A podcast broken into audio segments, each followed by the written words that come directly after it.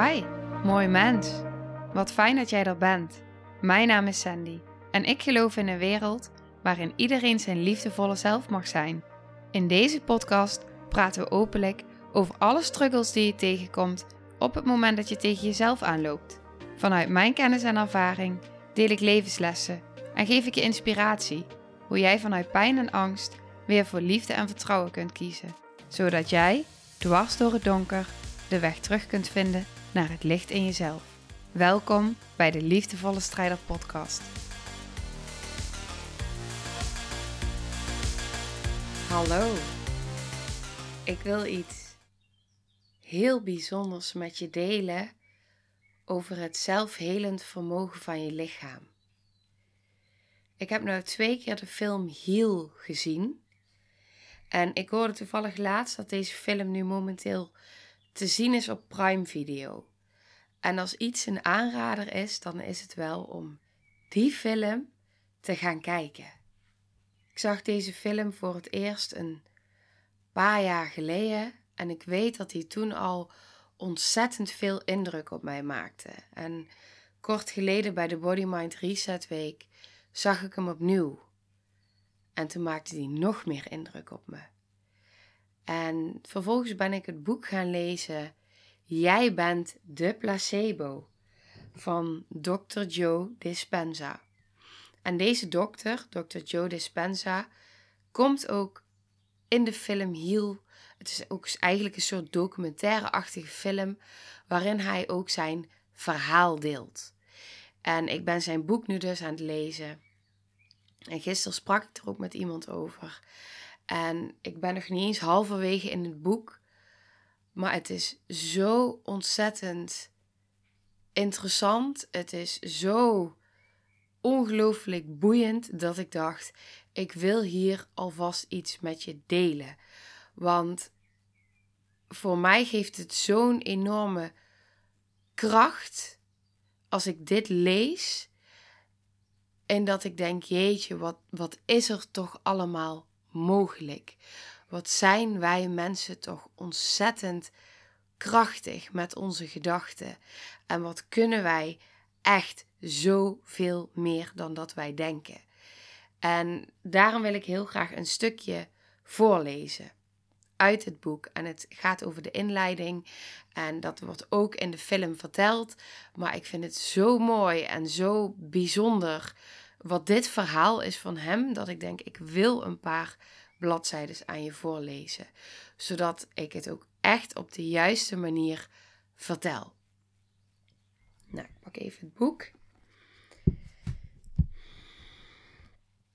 Ontwaken.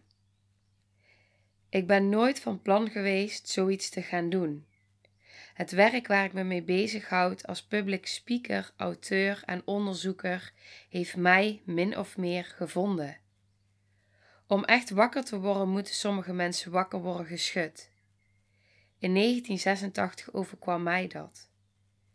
Op een prachtige dag in april was ik zo bevoorrecht om te worden aangereden door een SUV tijdens een triathlon in Palm Springs, California.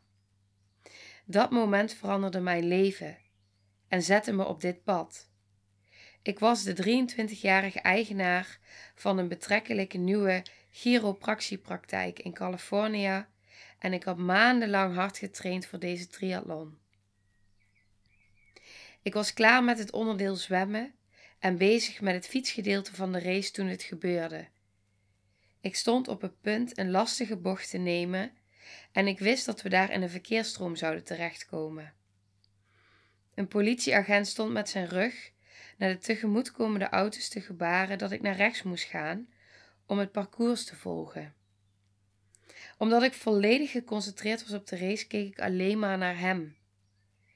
Toen ik in die bewuste bocht twee wielrenners passeerde, klapte er een rode vierwieldrive Ford Bronco met ongeveer 90 km per uur van achteren op mijn fiets. Het volgende ogenblik werd ik de lucht ingeslingerd. Daarna belandde ik plat op mijn rug. Door de snelheid van het voertuig en de trage reflexen van de oudere dame die achter het stuur zat, bleef de SUV op me afkomen. en kwam ik al snel opnieuw in aanraking met zijn bumper. Snel greep ik die vast om te voorkomen dat ik overreden zou worden en mijn lichaam tussen het metaal en het asfalt terecht zou komen. Zo werd ik een stukje over de weg meegesleurd voordat de bestuurder in de gaten had wat er gebeurde. Toen ze eindelijk abrupt tot stilstand kwam, rolde ik nog zo'n meter of twintig onbelemmerd door. Ik kan me het geluid van de voorbijsuizende fietsen, de ontstelde kreten en vloeken van de passerende wielrenners nog herinneren. Ze wisten niet of ze moesten stoppen om te helpen of doorgaan met de race. En toen ik daar zo lag, kon ik me alleen maar overgeven. Ik zou er snel achter komen dat ik zes wervels had gebroken. Ik had compressiefracturen in borstwervels 8, 9, 10, 11 en 12 en lendenwervel 1 vanaf mijn schouderbladen tot aan mijn nieren. De wervels zijn in de wervelkolom als afzonderlijke blokken opgestapeld. En toen ik met zoveel kracht tegen de grond sloeg, werden ze door de schok in elkaar gedrukt. De achtste borstwervel, het bovenste segment dat ik brak, begaf het voor meer dan 60% En de ronde boog die het ruggenmerg omsloot en beschermde, bezweek en werd samengeperst tot een soort pretzelvorm. Wanneer een wervel in elkaar wordt gedrukt en breekt, moet het bot ergens heen. In mijn geval kwam een groot deel van de verbrijzelde fragmenten in mijn ruggenmerg. Het zag er niet rooskleurig uit. Alsof ik in een volkomen doorgedraaide nachtmerrie zat, werd ik de volgende ochtend wakker met een heel scala aan neurologische symptomen. Verschillende soorten pijn, wisselende niveaus van gevoelloosheid, tintelingen, minder gevoel in mijn benen en enkele problemen bij het onder controle krijgen van mijn bewegingsapparaat. Nadat ik alle bloedonderzoeken, röntgenfoto's, CT-scans en MRI's in het ziekenhuis had gehad, liet de orthopedisch chirurg me resultaten zien en bracht me het volgende nieuws. Om de botfragmenten bij elkaar te houden die nu in mijn ruggenmerg zaten, moest ik geopereerd worden om een Harringtonstaaf te laten implanteren. Wat betekent dat de acht achterste delen van de wervels van twee of drie segmenten boven en onder de breuken zouden worden uitgesneden, dat er twee roestvrije stalen staven van minstens 30 centimeters aan beide zijden van mijn wervelkolom zouden worden vastgeschroefd en vastgeklemd. Daarna zouden ze een paar fragmenten van mijn heupbot schrapen om over de stangen heen te plakken. Het zou een zware operatie zijn, maar het zou betekenen dat ik een kans had om opnieuw te kunnen lopen. Maar ik wist dat ik dan waarschijnlijk nog gehandicapt zou zijn om de rest van mijn leven met chronische pijn te moeten leven. Ik was niet blij met deze optie. Als ik zou besluiten om de operatie niet te ondergaan, leek het erop dat ik zeker verlamd zou raken. De beste neuroloog in Palm Springs die het eens was met het advies van de chirurg, vertelde me dat hij geen enkele patiënt in de VS in mijn toestand kende die het ooit geweigerd zou hebben. De schok van het ongeval had mijn T8-wervel samengedrukt tot een wigvorm, waardoor mijn rug het gewicht van mijn lichaam niet zou kunnen dragen als ik rechtop zou staan. Mijn wervelkolom zou het begeven en daardoor die verbrijzelde stukjes wervel diep mijn ruggenmerg induwen waardoor ik onmiddellijk vanaf mijn borst verlamd zou zijn. Ook dat was geen aantrekkelijke optie. Ik werd overgebracht naar een ziekenhuis dichter bij mijn huis, waarin ik nog twee adviezen kreeg, waaronder eentje van de meest vooraanstaande orthopedisch chirurg in Zuid-Californië. Het was geen verrassing dat beide artsen het erover eens waren dat ik de Harringtonstaaf chirurgie zou moeten krijgen. Het was een gelijkluidende prognose de operatie ondergaan of verlamd raken en nooit meer kunnen lopen. Als ik de arts was geweest die het advies moest geven, zou ik hetzelfde hebben gezegd. Het was de veiligste optie, maar het was niet de optie die ik koos. Misschien was ik op dat moment in mijn leven jong en onverschrokken, maar ik besloot om tegen het medisch model en de deskundige adviezen in te gaan. Ik geloof dat er in ieder van ons een intelligente, onzichtbaar bewustzijn werkzaam is, dat ons het leven schenkt. Het ondersteunt, onderhoudt, beschermt en heelt ons ieder moment. deze intelligentie creëert, bijna duizend miljoen cellen, zorgt ervoor dat ons hart honderdduizend keren per dag blijft kloppen en kan in één seconde honderdduizend chemische reacties teweegbrengen in één cel, naast een heleboel andere wonderbaarlijke werkingen. Ik beredeneerde op dat moment dat als deze intelligentie realiteit was, en doelgericht, aandachtig en liefdevol het bestaan van deze buitengewone vermogens bewees, ik mijn aandacht van mijn buitenwereld weg kon halen om me naar binnen te richten en ermee te gaan verbinden. Om er een relatie mee aan te gaan. En hoewel ik intellectueel gezien begreep dat het lichaam vaak in staat is om zichzelf te genezen, moest ik nu elk beetje filosofie dat ik kende daadwerkelijk toepassen om die kennis naar een volgend niveau en verder te tillen, om werkelijke genezing te kunnen ervaren. Omdat ik nergens heen hoefde en niets te doen had behalve met mijn gezicht naar beneden liggen, besloot ik twee dingen. Ik zou elke dag al mijn aandacht richten op deze intelligentie in mij en haar een plan, een visie geven met zeer specifieke opdrachten. En dan zou ik mijn genezing overdragen aan deze intelligentie, die de macht heeft waardoor die genezing voor mij zou doen plaatsvinden.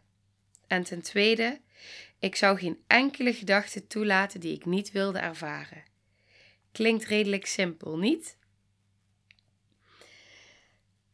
Wat hij vervolgens vertelt, is dat hij tegen het advies in van het medisch team het ziekenhuis verliet in een ambulance.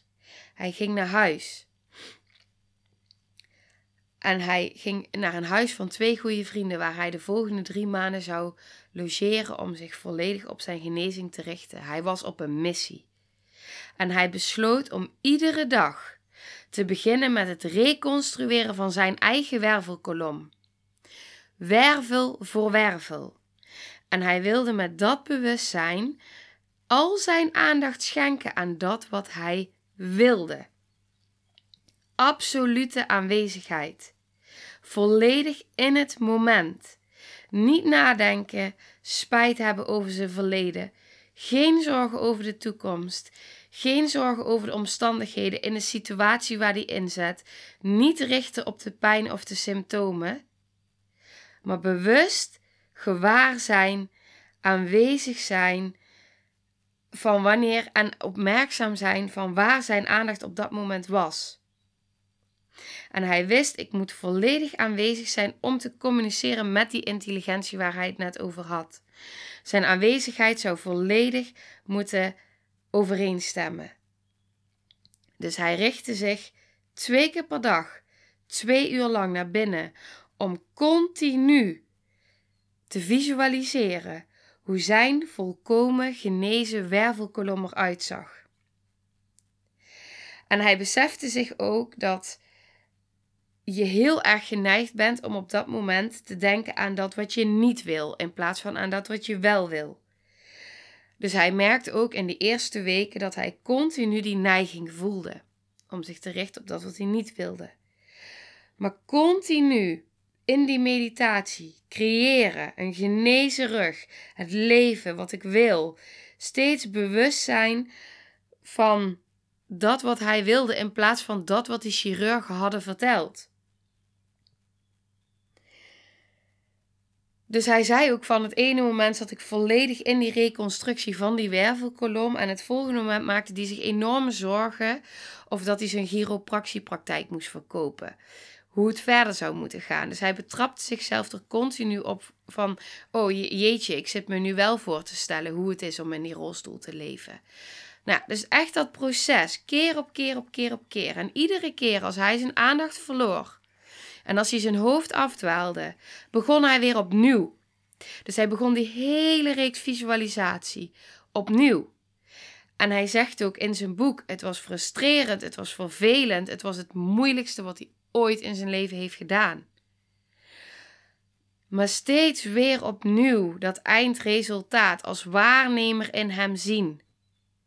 Steeds weer in dat vertrouwen en na zes weken in gevecht zijn met zichzelf, met moeite doen om bewust aanwezig te zijn, Na zes weken was hij in staat om zijn hele proces van wederopbouw stap voor stap door te nemen. En ineens was er een moment en toen kreeg hij het voor de eerste keer voor elkaar.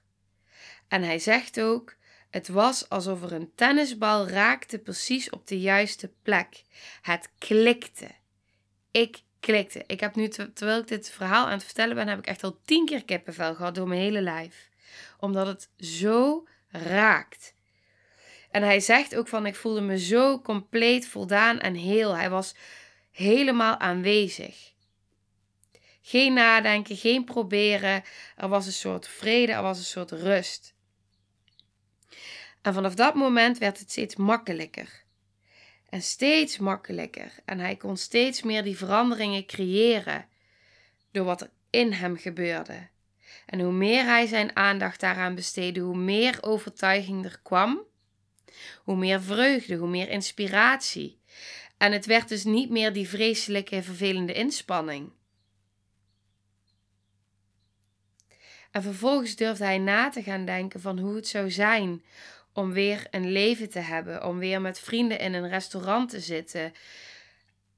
En hij besefte zich: ik zal dit nooit meer als vanzelfsprekend zien. En die raakt mij enorm, omdat ik die zo herken door waar ik zelf doorheen ben gegaan. Die kleine dingen die zo vanzelfsprekend lijken, die zo niet vanzelfsprekend zijn. Ik had het er laatst had ik een gesprek met iemand. En toen had ik het er ook over, even een zijspoortje nu dat we het er ook over hadden van, weet je, zoveel dingen zijn vanzelfsprekend hier. Nemen we maar voor lief. Maar als je beseft dat wat wij hebben, dat wij iedere dag een dak boven ons hoofd hebben, dat het veilig is, dat er geen bommen hier ontploffen, dat je water uit de kraan kan halen, dat je kan ontwikkelen. Je kan jezelf geestelijk ontwikkelen. Je kan groeien. Er, er is geld om, om te leven. Er is geld om kleren te kopen, om eten te kopen, om überhaupt te eten. Alleen dat al is al zo'n voorrecht. Het is niet vanzelfsprekend. En dat is al zo'n enorme rijkdom. Dat besef. Het besef dat gewoon niets in het leven vanzelfsprekend is. Ik, ik herken het me zo goed vanaf het moment dat ik niet meer in staat was om die normale dingen die ik normaal vond te doen. Om een gesprek te voeren met iemand. Weet je hoe waardevol het is dat je een gesprek kan voeren met iemand? Een, een, een zingevend gesprek. Een diepgaand gesprek. Dat je naar iemand kan luisteren, wat iemand te vertellen heeft. Hoe vaak willen wij wel niet, op het moment dat we met iemand in gesprek gaan, willen we meteen onze mening geven, ons oordeel, of willen we ons verhaal vertellen. Maar hoe mooi is het als je echt naar iemand kan luisteren. Wat heeft iemand nou echt te vertellen? En wat houdt iemand nou bezig? Dat soort kleine dingen. Dat soort kleine dingen om die nooit meer als vanzelfsprekend te zien. Nou goed, dat was even een zijspoor. Maar wat hij dus deed, hij wist op dat moment niet wat hij aan het doen was. Het enige wat hij wist was dat dit was wat hij voelde dat hij moest doen. En op een gegeven moment merkte hij dus dat er echte grote veranderingen gingen optreden. Hij kon dus echt zeg maar zijn toekomst koppelen aan die emotie, hoe het zou zijn om in die toekomst te zijn. En hij begon dus te geloven dat zijn lichaam, of zijn lichaam begon eigenlijk te geloven, dat hij al in die toekomstige ervaring was. De kracht van je gedachten, de kracht van je mind, de kracht van je onderbewuste. Waar ik het heel vaak over heb. Het is niet eerst zien dan geloven. Het is eerst geloven dan zien. Dat is hoe het werkt. Dus op het moment dat hij dus zijn cellen ging beïnvloeden met zijn gedachten, ging zijn lichaam dus werkelijk beter worden. En dit zijn dus de, de belangrijkste principes van kwantumfysica. Het is niet afzonderlijk. Het is één geheel. En dit is gewoon, dit is wetenschappelijke, dit is onderbouwd. dus zijn vermogen om door te zetten, zijn overtuiging, zijn concentratie, maar ook echt om naar die toekomst, om in die toekomst te zijn, om eigenlijk die persoon te zijn in zijn gedachten die die wil zijn, dus om letterlijk in die persoon te stappen, maakt dat je lichaam daadwerkelijke veranderingen doormaakt. En daarom ook het boek Jij bent de placebo. Op het moment dat jij dus gelooft dat dit jou verandert, dat dit voor jou werkt, dat, dit, dat, dat jij in die persoon kan stappen die jij wil zijn, dus in die gezonde persoon, dan gaat jouw cellen, jouw DNA, het gaat veranderen. Jouw lichaam is letterlijk een zelfhelend wonder. Hij vertelt ook in het boek, ik raad je echt aan als je dit interessant vindt, echt lees dit boek. Maar hij raadt je dus ook, hij vertelt ook in dit boek ontzettend veel voorbeelden. En ik heb het ook zelf gewoon gezien. Maar ontzettend veel voorbeelden van verhalen waarbij je dus zowel met je gedachten dood kan gaan, als dat je met je gedachten jezelf kan genezen. Ik heb bijvoorbeeld, ik heb heel lang in de gehandicaptenzorg gewerkt. En dat verhaal is mij altijd bijgebleven. Want ik werkte dus daar heel betrokken met een man. En die man die had het verstandelijke niveau van een kind van een jaar of drie, vier. Het was een volwassen man van ja, ik weet niet meer precies, een jaar of 50 geloof ik. Syndroom van Down. En ehm, deze man, die kreeg op een gegeven moment steeds meer last van zijn keel. En uiteindelijk kwamen we dus achter dat hij dus kanker had in zijn keel. Nou, chemokuren, een heel proces, heel nauw betrokken geweest bij hem. En op een gegeven moment kregen we echt te horen, hij heeft nog maar een paar weken te leven. Het is zo ernstig, hooguit een paar maanden. Nou, wat hebben wij gedaan met de familie en, het team? Hebben ze verjaardag nog naar voren geschoven, dat we nog zijn verjaardag met hem konden vieren, dat we hem die dag nog mee konden geven, want dat was altijd een heel belangrijk moment. Ja, denk maar aan een kind, hè? dat zijn hele belangrijke dagen. Maar wat er eigenlijk gebeurde, was die man wist niet dat hij de diagnose had gekregen: je bent terminaal. Je bent opgegeven. Er is geen hoop meer voor jou. Want hij had geen idee wat er aan de hand was. Hij wist dat hij ziek was. Maar ja, wat is ziek?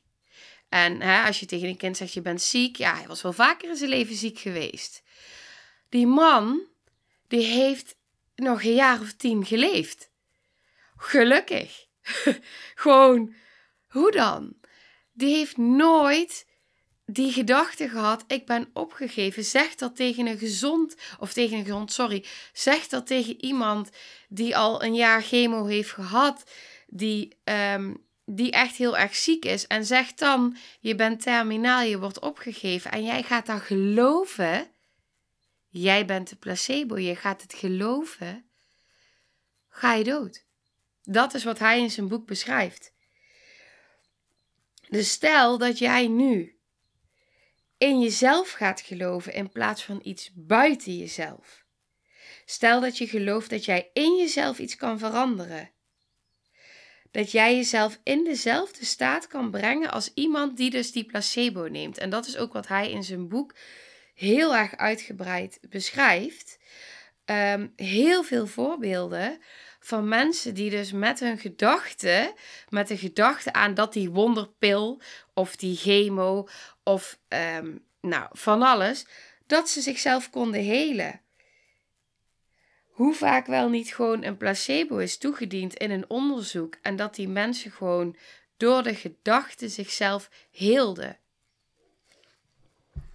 Op het moment dat jij een paracetamol pakt en jij denkt, die paracetamol helpt me van mijn pijn af. Alleen al die gedachte is eigenlijk al helend en werkend dat die paracetamol je van je pijn afhelpt. En in dit boek staan dus echt oneindig veel mogelijkheden en voorbeelden. Uh, hoe het dus zowel positief werkt als negatief. Dus op het moment dat iemand echt geloofde dat hij dood zou gaan, dat hij ook letterlijk ja, dood ging. En dat is dus echt mega interessant. Hoe belangrijk dus die innerlijke gedachten zijn. Hoe belangrijk dus jouw lichaam eigenlijk is om diegene in te schakelen. Uh, op voorbereiding op dat wat jij jezelf hebt ingebeeld.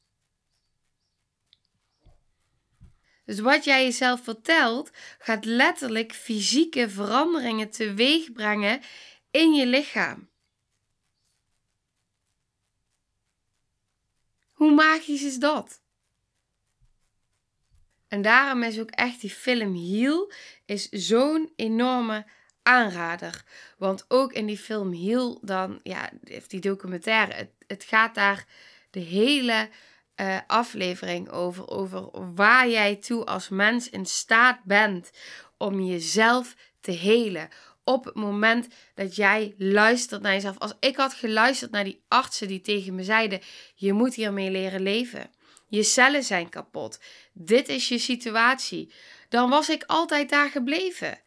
Maar ik voelde van binnen een innerlijk weten. Ik voelde van binnen dat dit niet de bedoeling kon zijn. Waardoor ik in het vertrouwen kon stappen, waardoor ik kon gaan geloven, waardoor ik een andere keuze kon maken, een andere weg kon gaan bewandelen en mezelf niet opgaf. En kijk waar ik nu sta. Ik had het nooit voor mogelijk gehouden. Maar het is wel mijn realiteit. Dus het maakt ook gewoon dat doordat ik het zowel zelf heb ervaren en natuurlijk helemaal daarin rol en al die dingen op mijn pad krijg, dat ik denk, jeetje, we kunnen zo ontzettend veel creëren als mens zelf. Het is ongelooflijk. Het is zo bijzonder waartoe wij in staat zijn. Door je te focussen op wie je wel wilt zijn. Dus niet focussen op dit is wat ik allemaal niet wil. Dit is de pijn die ik nu ervaar. Maar wie wil je wel zijn? Want hoe meer jij blijft doen wat je doet, hè, het is zo'n welbekende uitspraak. Als ik doe wat ik altijd deed, krijg ik wat ik altijd kreeg. Maar dat is wel precies hoe het werkt. Op het moment dat jij in die persoon blijft die jij nu bent, op welk gebied dan ook, dan zul je blijven krijgen en ontvangen wat jij gelooft. Maar op het moment dat jij kan gaan geloven dat jij een ander persoon wil zijn. Dus wie wil je wel zijn? Op het moment dat je dat kan gaan geloven, dan gaat jouw DNA, dan gaan jouw cellen aanpassen. Dan ga je het in je realiteit ontwikkelen, creëren. Dat is wat je met je mindset kan doen.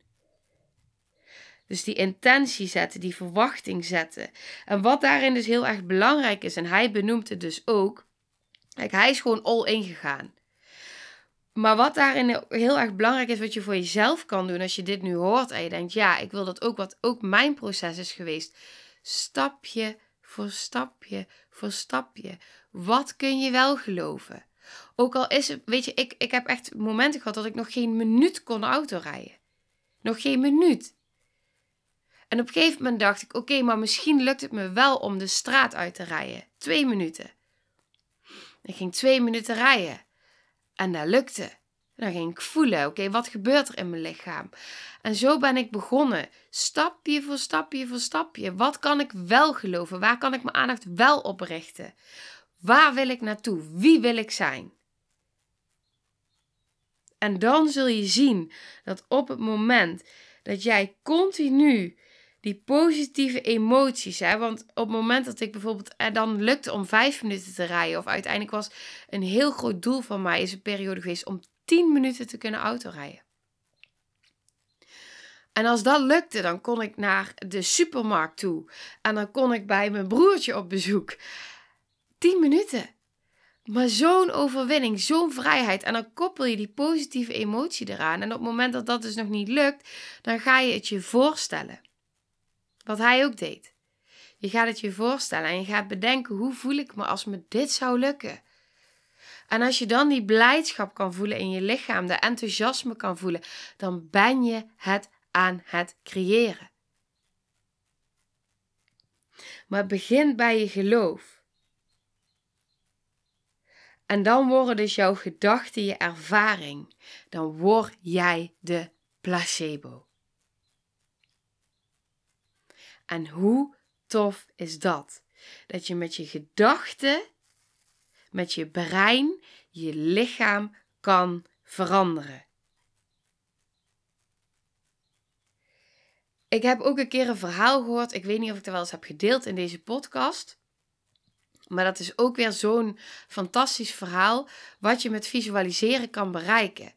Dat mensen, volgens mij staat hij ook in dit boek trouwens, een soort voorbeeld daarvan. Maar dat mensen dus op het moment dat jij dus gaat repeteren, stel je wil gaan sporten.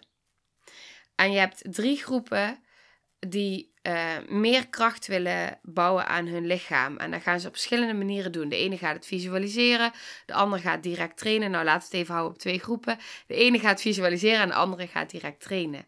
En wat je dan dus ziet, is bewezen dat mensen die dus gaan visualiseren en die dat dus goed doen, dat die letterlijk meer spierkracht opbouwen.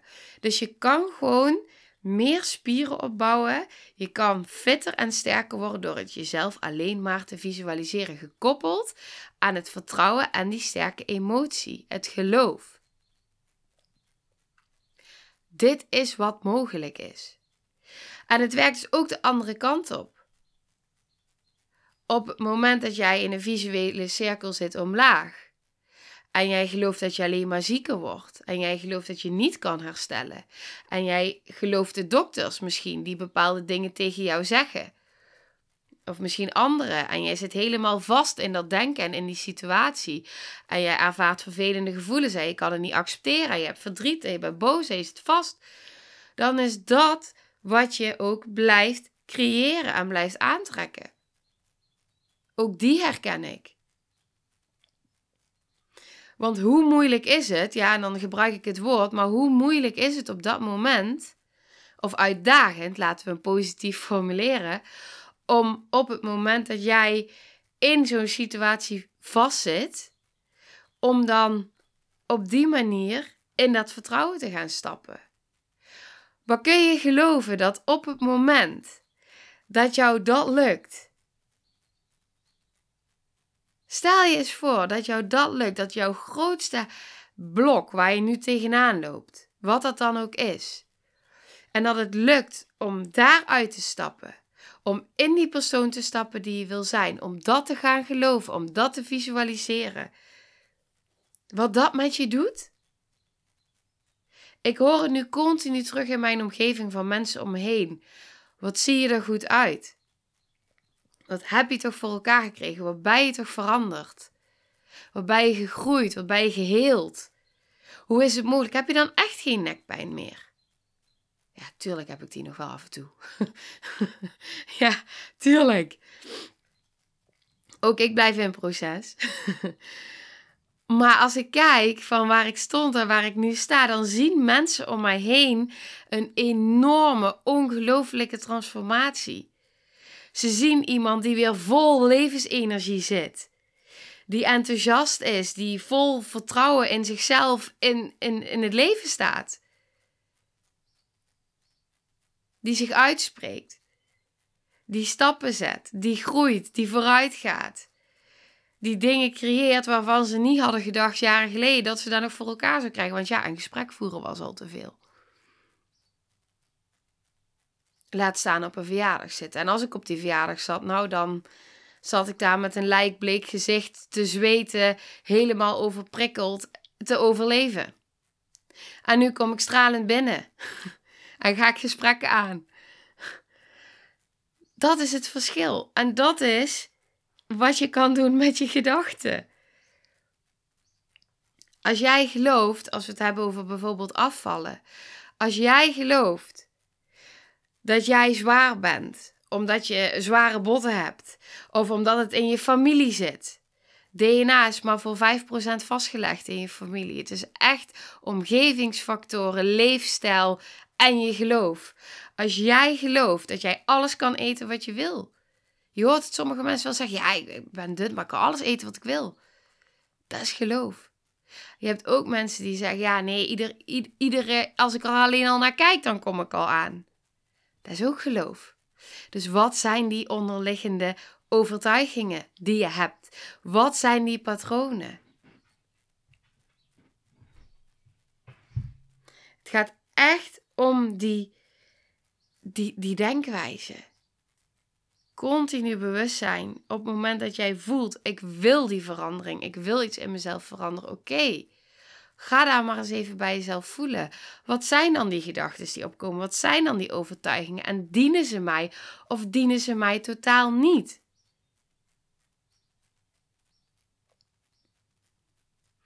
Wie wil je zijn? Wat wil je geloven?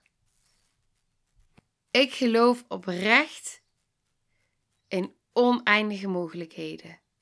En ja, ook ik heb nog in mijn mindset dingen waarin ik denk: ja, oké, ja, nee, dat, dat, dat uh, is ook nog een struggle. En daar heb ik ook nog belemmerende patronen op zitten. Maar is oké. Het is proces. Het is allemaal in proces. Maar alleen al de bewustwording. Alleen al de bewustwording. En dan het geloof dat het ook anders kan. Dat zijn al stappen die je zet. Want op het moment dat je alleen al die bewustwording niet hebt, ga je gewoon door in het patroon waar je zit. Maar wat nou als jij inderdaad met je gedachten je realiteit kan, laten we benoemen, beïnvloeden, creëren? Uiteindelijk is het leven ook een aaneenschakeling van dingen die je natuurlijk ook gewoon overkomen, dingen die tot je komen. Maar het is vervolgens aan jou hoe je daarmee omgaat. Het is aan jou hoe jij kiest om daarnaar te kijken, om daarnaar te handelen, om je gedachten daarop te beïnvloeden. Dat is aan jou.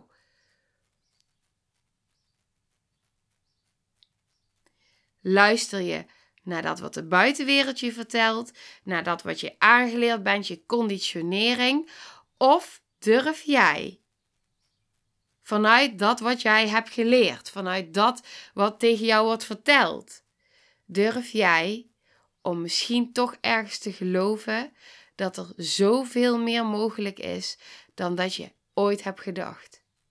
En wat nou als dat zo is? Wat zou er dan allemaal voor jou mogelijk zijn?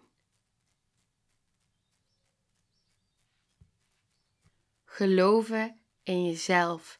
Het is je allergrootste kracht. Jouw intuïtie is jouw superpower. Het gaat niet om de buitenwereld, het gaat om je binnenwereld. Dus waar kies jij voor? Kies jij voor om te geloven dat jij limitless bent? Dat je alles kan?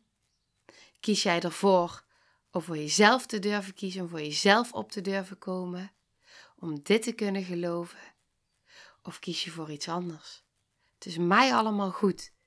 het enige wat ik hoop te bereiken in deze aflevering is dat ergens iets in jou misschien getriggerd wordt, aangeraakt wordt. Iets, iets, iets, iets gewoon ergens dat gevoel krijgt. Van dat wat ik in jou zie, dat wat ik in iedereen zie. Ik zie zoveel oneindig potentieel. En ik zie ook dat heel veel mensen het niet in zichzelf zien. Ik zie zoveel mensen zo vastzitten in het denken. En dan zou ik het liefst, als je me nu ziet zitten, ik heb er geen camera voor staan, maar ik zit met mijn vuisten gebald, dan zou ik het liefst je zo liefdevol bij je schouders willen vastpakken en op en neer schudden om te zeggen dat er zoveel meer mogelijk is dan dat je misschien denkt. En dat je zo ontzettend veel kracht in je hebt. Dat er zoveel. Oh, ja. Jij, jouw intuïtie, jouw gevoel. Ik hoop echt dat deze aflevering iets aanzet in jou. Want je potentieel is oneindig. Je mogelijkheden zijn oneindig. Dus ik wil afsluiten met een affirmatie. En ik wil dat je me nazegt. Ik ben limitless. Ik kan alles. Ik richt mijn aandacht op de liefde en ik verwacht wonderen.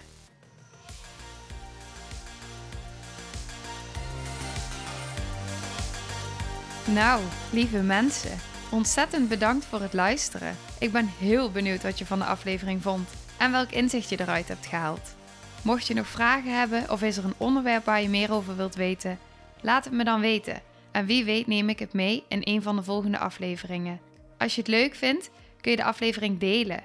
Of maak een screenshot en tag me op Instagram. Want ik vind het echt super tof om te zien wie er luistert. De link van mijn Instagram staat in de beschrijving bij de podcast. En wil je blijvend geïnspireerd worden? Klik dan op abonneer of volgen in de podcast-app waarmee je luistert. Dat zouden ik en alle toekomstige luisteraars enorm waarderen. Want dat zorgt er namelijk voor dat de podcast beter gevonden wordt. Nogmaals, dankjewel voor het luisteren en heel graag tot de volgende aflevering.